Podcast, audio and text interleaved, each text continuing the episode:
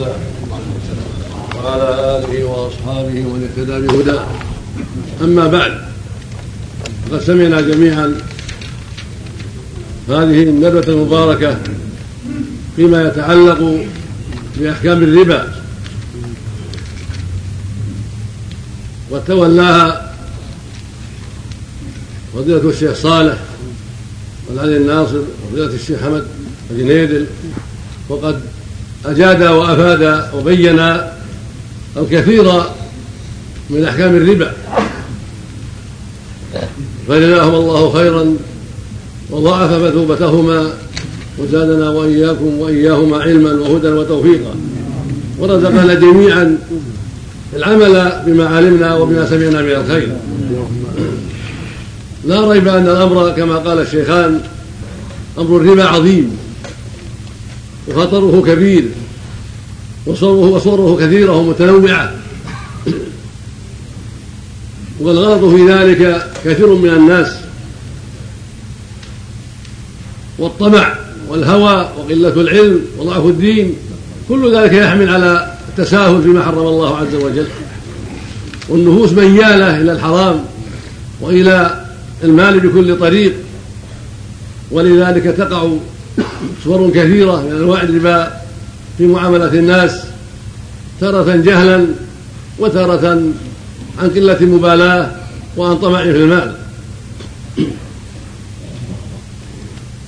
والله جل وعلا شدد في الربا كما سمعتم وعظم أمره فأحل البيع وحرم الربا وأخبر أن آكل الربا يقوم يوم القيامة كالذي يتخبطه الشيطان مس كالمجنون الذي يخلق نعوذ بالله من ذلك عقوبة عاجلة عند قيامه وبعثه يوم النشور. وبين جل وعلا أن الربا حرب لله ولرسوله. فقال سبحانه يا أيها الذين اتقوا الله وذروا ما بقي من الربا إن كنتم مؤمنين. فإن لم تفعلوا فأذنوا بحرب من الله ورسوله. وإن تبتم فلكم رؤوس, رؤوس أموالكم لا تظلمون ولا تظلمون. وفي الصحيح عن النبي عليه الصلاة والسلام أنه أكل أنه لعن آكل الربا وموكله وكاتبه وشاهديه وقال هم سواء. فالربا شأنه خطير. وقال عليه الصلاة والسلام اجتنبوا السبع الموبقات يعني المهلكات قلنا وما هن يا رسول الله؟ قال الشرك بالله والسحر. وقتل الناس الذي حرم الله إلا بالحق وأكل الربا وأكل مال اليتيم والتولي يوم الزحف. وقذف المحصنات الغافلات المؤمنات. فبين عليه الصلاة والسلام أن أكل الربا من جملة السبع الموبقات الكبائر الموبقه المهلكة. نعوذ بالله من ذلك. قد سمعتم بعض ما فيه من المفاسد والأضرار. قال بعض أهل العلم إنه تعبدي يعني تحريمه تعبدي لا لا تعقل علته. وقال آخر من العلم بل علمه ظاهرة لما يفضي إليه من الأضرار الكثيرة. الفردية والاجتماعية على الفقير وغير الفقير. وسمعتم بعض أضراره وما افضي إليه من تحميل الفقراء الديون الكثيرة وإثقال عليهم وكذلك إفساد الاقتصاد وتعطيل الناس وجعلهم يتكلون على ما لهم من الأموال في البنوك الربوية ويضيعوا ما ينبغي من العمل والجد والنشاط. في أنواع المكاسب والمصانع والخيرات الأخرى التي تنفع الناس. فضرر الربا على المجتمع والفرد كبير جدا. والله جل جل وعلا لا يحرم شيئا إلا لما فيه من الأضرار وهو حكيم عليه سبحانه وتعالى.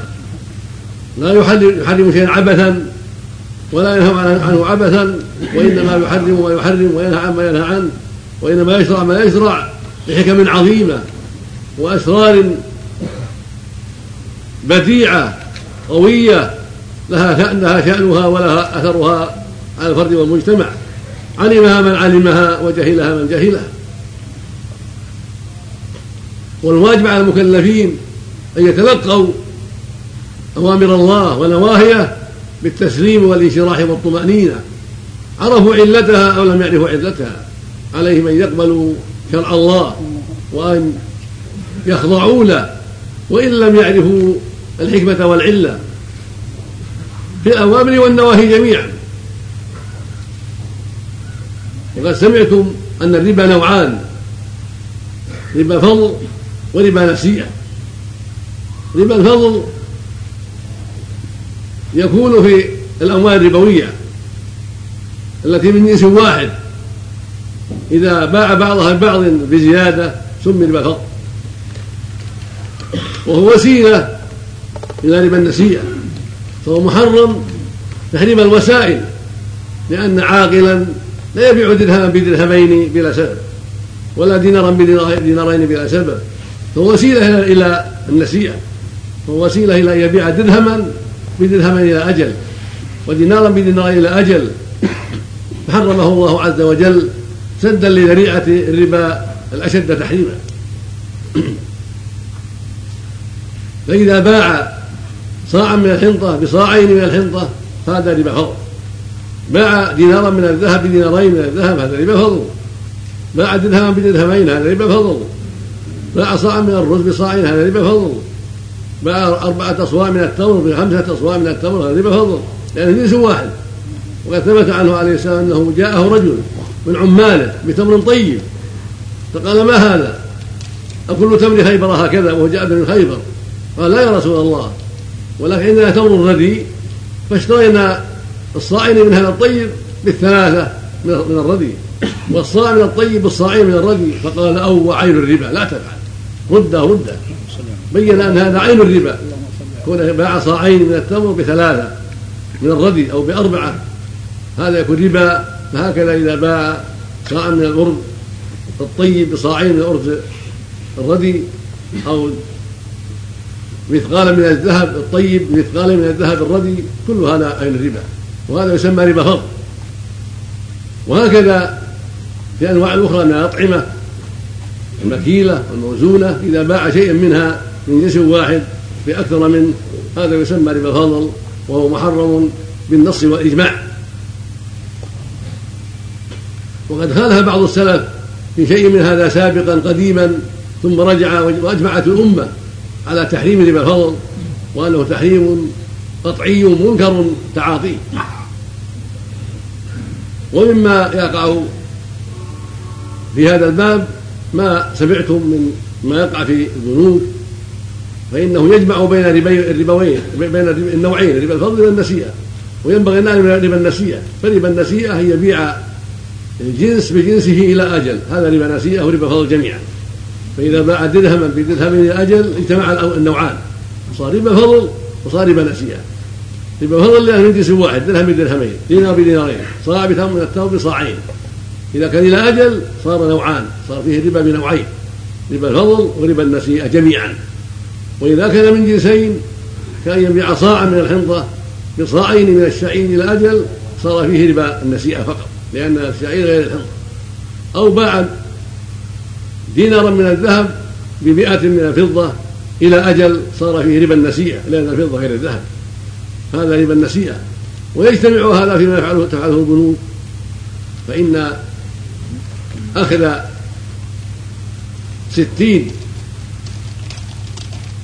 ألف بخمسين ألفا هذا فيه ربا الفضل وربا النسيئة جميعا.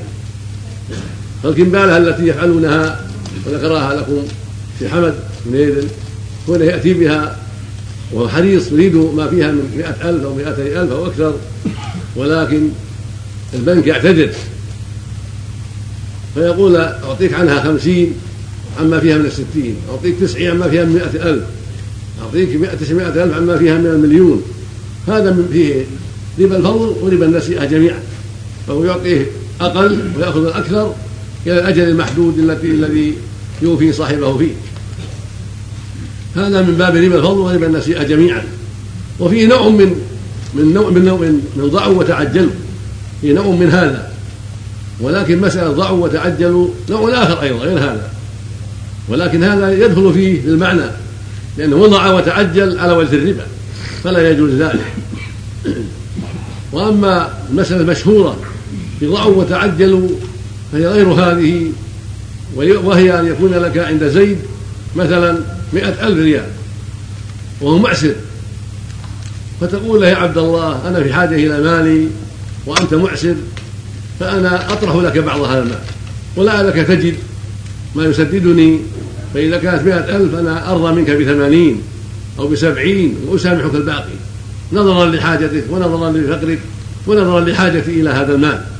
فيتفقان على أنه يضع عنه بعض الشيء وهو يجتهد في إعطائه الباقي. من مئة ألف مثلا أو من المليون مثلا. هذه ضعوا وتعجلوا جمهور أهل العلم وأكثرهم على تحريمها إلحاقا لها بالربا وذهب آخر من العلم إلى أنها تجوز لأن فيها إحسانا إلى المدين وفيها أيضا مصلحة مصلحة لصاحب الدين صاحب الحق. فهو يأخذ بعض حقه ويستفيد والمعسر يسقط عنه كمية كبيرة من دينه ويبرأ منها. هذه مسألة يقال فيها ضعوا وتعجلوا ويروى عنه عليه الصلاة والسلام أنه لما أراد إجلاء بني النظير من اليهود في المدينة قالوا إن لنا ديون عند الناس. قال ضعوا وتعجلوا وفي إسناده نظر. واختار هذا القول شيخ الإسلام ابن تيمية رحمه الله وابن القيم وجماعه وقالوا إن هذا فيه مصالح للطرفين. صاحب المال ينتفع بهذا المال الذي يأخذ ويستفيد منه بدلا من تعطله والمدين ينتفع بما أسقط عنه من الدين. كون مئة ألف ثم أسقط عنه عشرين أو ثلاثين أو أقل أو أكثر. ينتفع بهذا. ويبرئه. فهو ضد الربا. الربا زيادة وتثقيل ومشقة وهذا ضد الربا. تسهيل وتيسير. فهو يضع عنه قسطا من هذا الدين الذي أعسر وشق عليه ويأخذ منه ما تيسر من هذا الدين الذي قد يجده قرضا من أحد قد يجده هبة من أحد رحمة له إذا وضع عن هذا الدين. هذا قد يجده المعسر لحرصه على براءة ذمته واغتنام هذه الفرصة التي فيها مسامحته هذا القسط الكبير من هذا الدين العظيم. فالصواب في هذا جواز هذه المسألة وهي غير مسألة الكمبالة هذه شيء وهذه شيء. ولهذا خشيت أن يظن بعض الناس أن هذه مثل هذا. هذه مسألة وما قاله فيها الشيخ حمد صحيح. فإن أن بيع خمسين بستين أو بيع السمئة بمليون على صاحب البنك ويقول أنا أعطيك كذا وأرضى بالحوالة وأخذها في وقتها كاملة هذا ربا. ربا فضل وربا نسيئة جميعا أما المعسر الذي عليه الدين وسامحه صاحبه وأسقط عنه جملة من هذا الدين وعجل له بعضه وتسامح وتبارأ فهذا فيه مصالح للطائفتين والطرفين. فأصح والأرجح جوازه وإن كان خلاف قول الأكثرين كما سبق. ومسألة العينة والتورق هاتان مسألتان يقع فيها الناس كثيرا. ونبه الشيخ صالح على ما يتعلق بهما فهما مسألتان كثيرة الوقوع جدا. فالعينة سمعتم بيانها وهو أن يشتري الإنسان سلعة إلى أجل بثمن مؤجل ثم ثم يبيعها على صاحبها الذي اشتراها منه بثمن معجل. وهذا وقع في عهد الصحابة. كان زيد بن أرقم قد اشترى غلاما بثمانمائة درهم ثم باعه على صاحبته بستمائة درهم نقدا. هذا يقال فيه مسألة العينة. وكان كانت عائشة رضي الله عنها لما بلغ هذا أنكرت ذلك وبينت أن هذا من الربا وأن فعل هذا إبطال للجهاد مع رسول الله عليه الصلاة والسلام. وكان قد خفي هذا المعنى على من فعله. وفي الحديث نظر في صحته نظر لكن على سبيل وتقدير صحته هذا من جنس مسألة العينة وهو أثر عن عائشة وعن زيد بن أرقم رضي الله تعالى عنهما. أن أم زيد بن أرقم باعته غلاما ب 800 درهم 800 درهم إلى أجل العطاء. ثم اشترته ب 600 نقدا لينتفع بها. فهذه من جنس مسألة العينة وهي محرمة ومنكرة وجاء فيها حديث جيد إذا تبايعتم بالعينة. وأخذتم أذنب البقر ورضيتم بالزرع وتركتم الجهاد سلط الله عليكم ذلا لا ينزعه حتى ترجعوا حتى تراجعوا دينكم هذا مما يتعلق بالعينة وهي بيع عين بدين. يبيع مثلا سيارة أو أكياس سكر أو غير ذلك إلى أجل إلى أجل معلوم. ثم بعد ذلك يقول البائع يقول انت بتبيعها أنا آخذها منك بنقد أو يقول المشتري أنا ببيعها خذها مني بنقد فيتفقان على نقد باعها بعشرين يقول اعطني خذها بستة عشر ألف. يعني محتاج للدراهم. هذه العينة مثل ما تقدم في قصة ولد زيد. أم ولد زيد بن أرقم هذه يقال لها العينة. ومعناها أنه باع دراهم بدراهم. وجعل السلعة واسطة حيلة. وقد ثبت عنه عليه الصلاة والسلام أنه قال لا ترتكبوا ما ارتكبت اليهود فتستحلوا محارم الله بأدنى الحيل. فالسلعة التي باعها بألف إلى أجل ليس له أن يشتريها بستمائة أو بثمانمائة نقدا من بائعها لأن هذا يكون حيلة على بيع ثمانمائة بألف بيع ستمائة بألف. فهو باعها عليه بألف إلى أجل ثم اشتراها بنقد أقل من ذلك. لينتفع به بائع السلعة. لينتفع به شيء مشتري السلعة الذي اشتراها وباعها الذي اشتراها بألف مؤجل عليه إلى أجل معلوم ثم بعد ذلك أخذها البائع بستمائة درهم وبثمانمائة درهم أقل من الألف لأن هذا محتاج إلى الدراهم. فأعطاه دراهم وبقي له ألف مؤجل في ذمة هذا المشتري إلى أجل معلوم. فصارت الحقيقة أنه أعطاه ثمانمائة بألف إلى أجل هذه الحقيقة. والسلعة لا قيمة لها سيارة وغيرها ليس لها قيمة وإنما دخلت بمعنى الحيلة لكن هذا الذي اشترى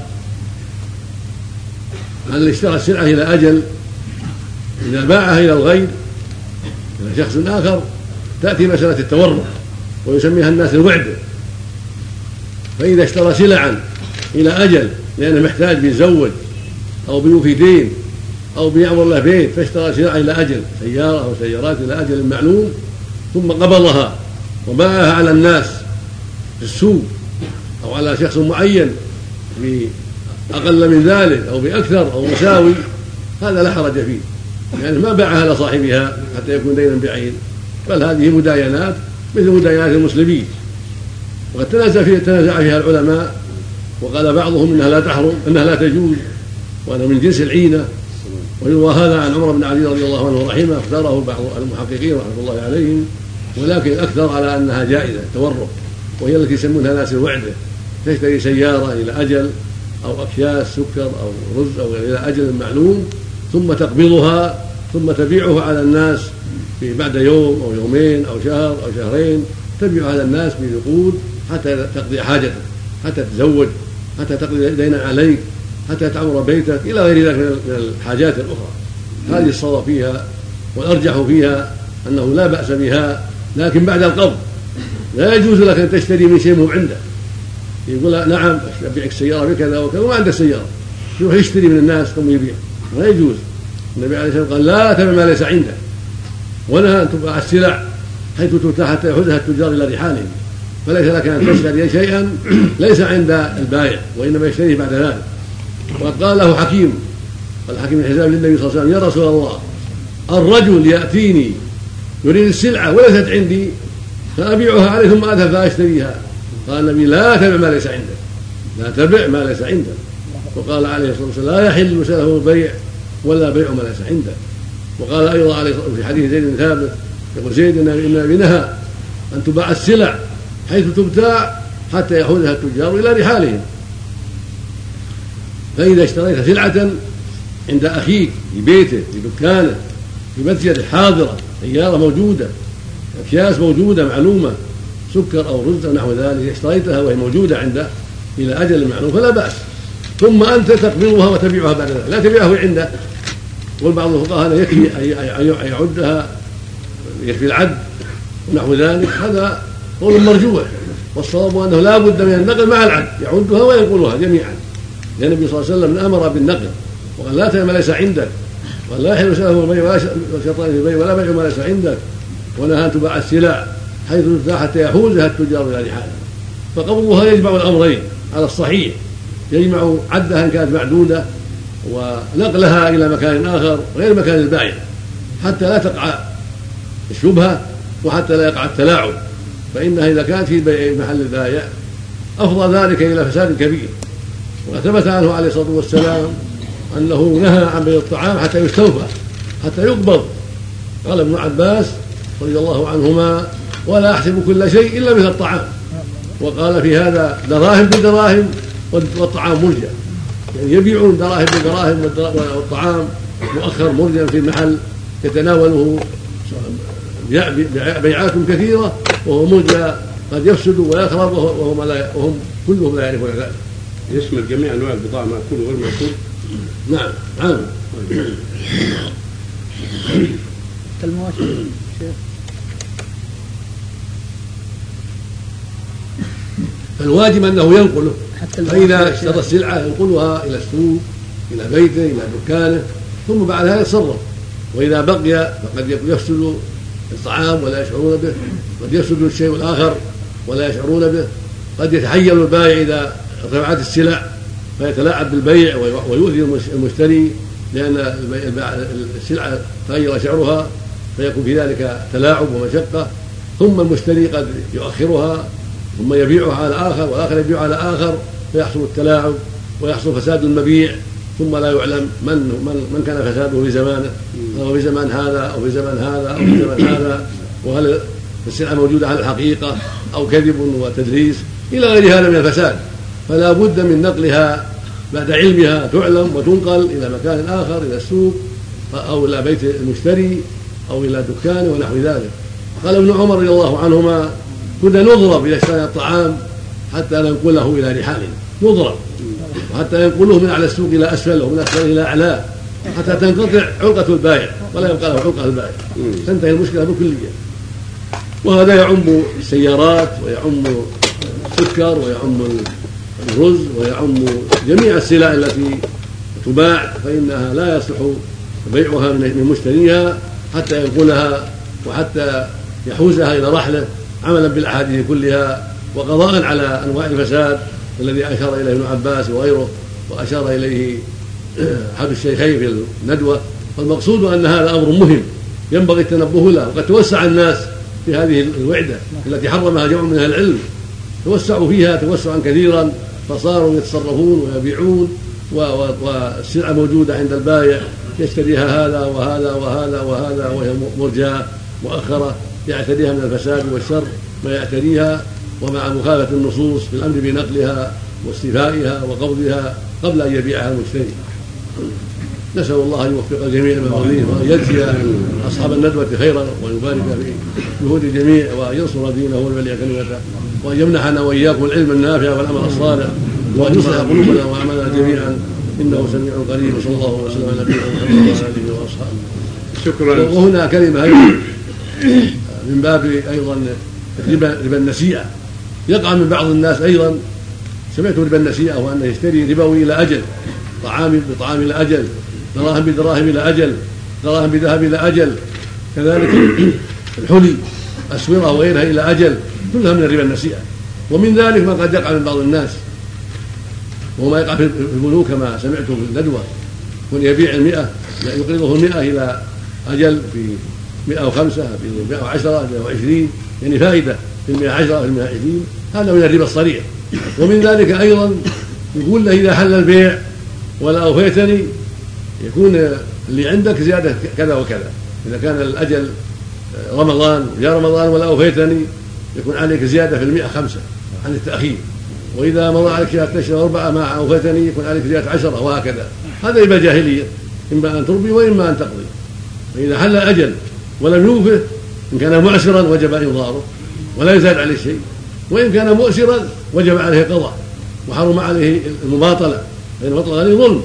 ولصاحب الحق أن يشتكيه على المحاكم حتى يوفي حقه إذا كان موسرا وما أنفقه المشتكي من أجل ظلم الظالم من أجل مطله بغير حق يكون عليه من خدمة وغيرها يكون على صاحب المطل الذي أخر بغير حق. أما إذا كان معسرا فإنه ينظر بدون زيادة عليه لأن الله قال وإن كانت ذو عسرة فناظرة إلى ميسرة والواجب على من عليه الدين يتقي الله ويحاسب نفسه ولا يتأخر في القضاء بتعلل كاذب ودعوى كاذبة. بل عليه يبادر بالقضاء إذا حل الأجل والا يحوج صاحب الحق إلى الشكوى وإلى الخصومة وهو غير معذور. بل ذلك فيه إثم عظيم وظلم لعباد الله. فلا يجوز المسلم أن يفعل ذلك.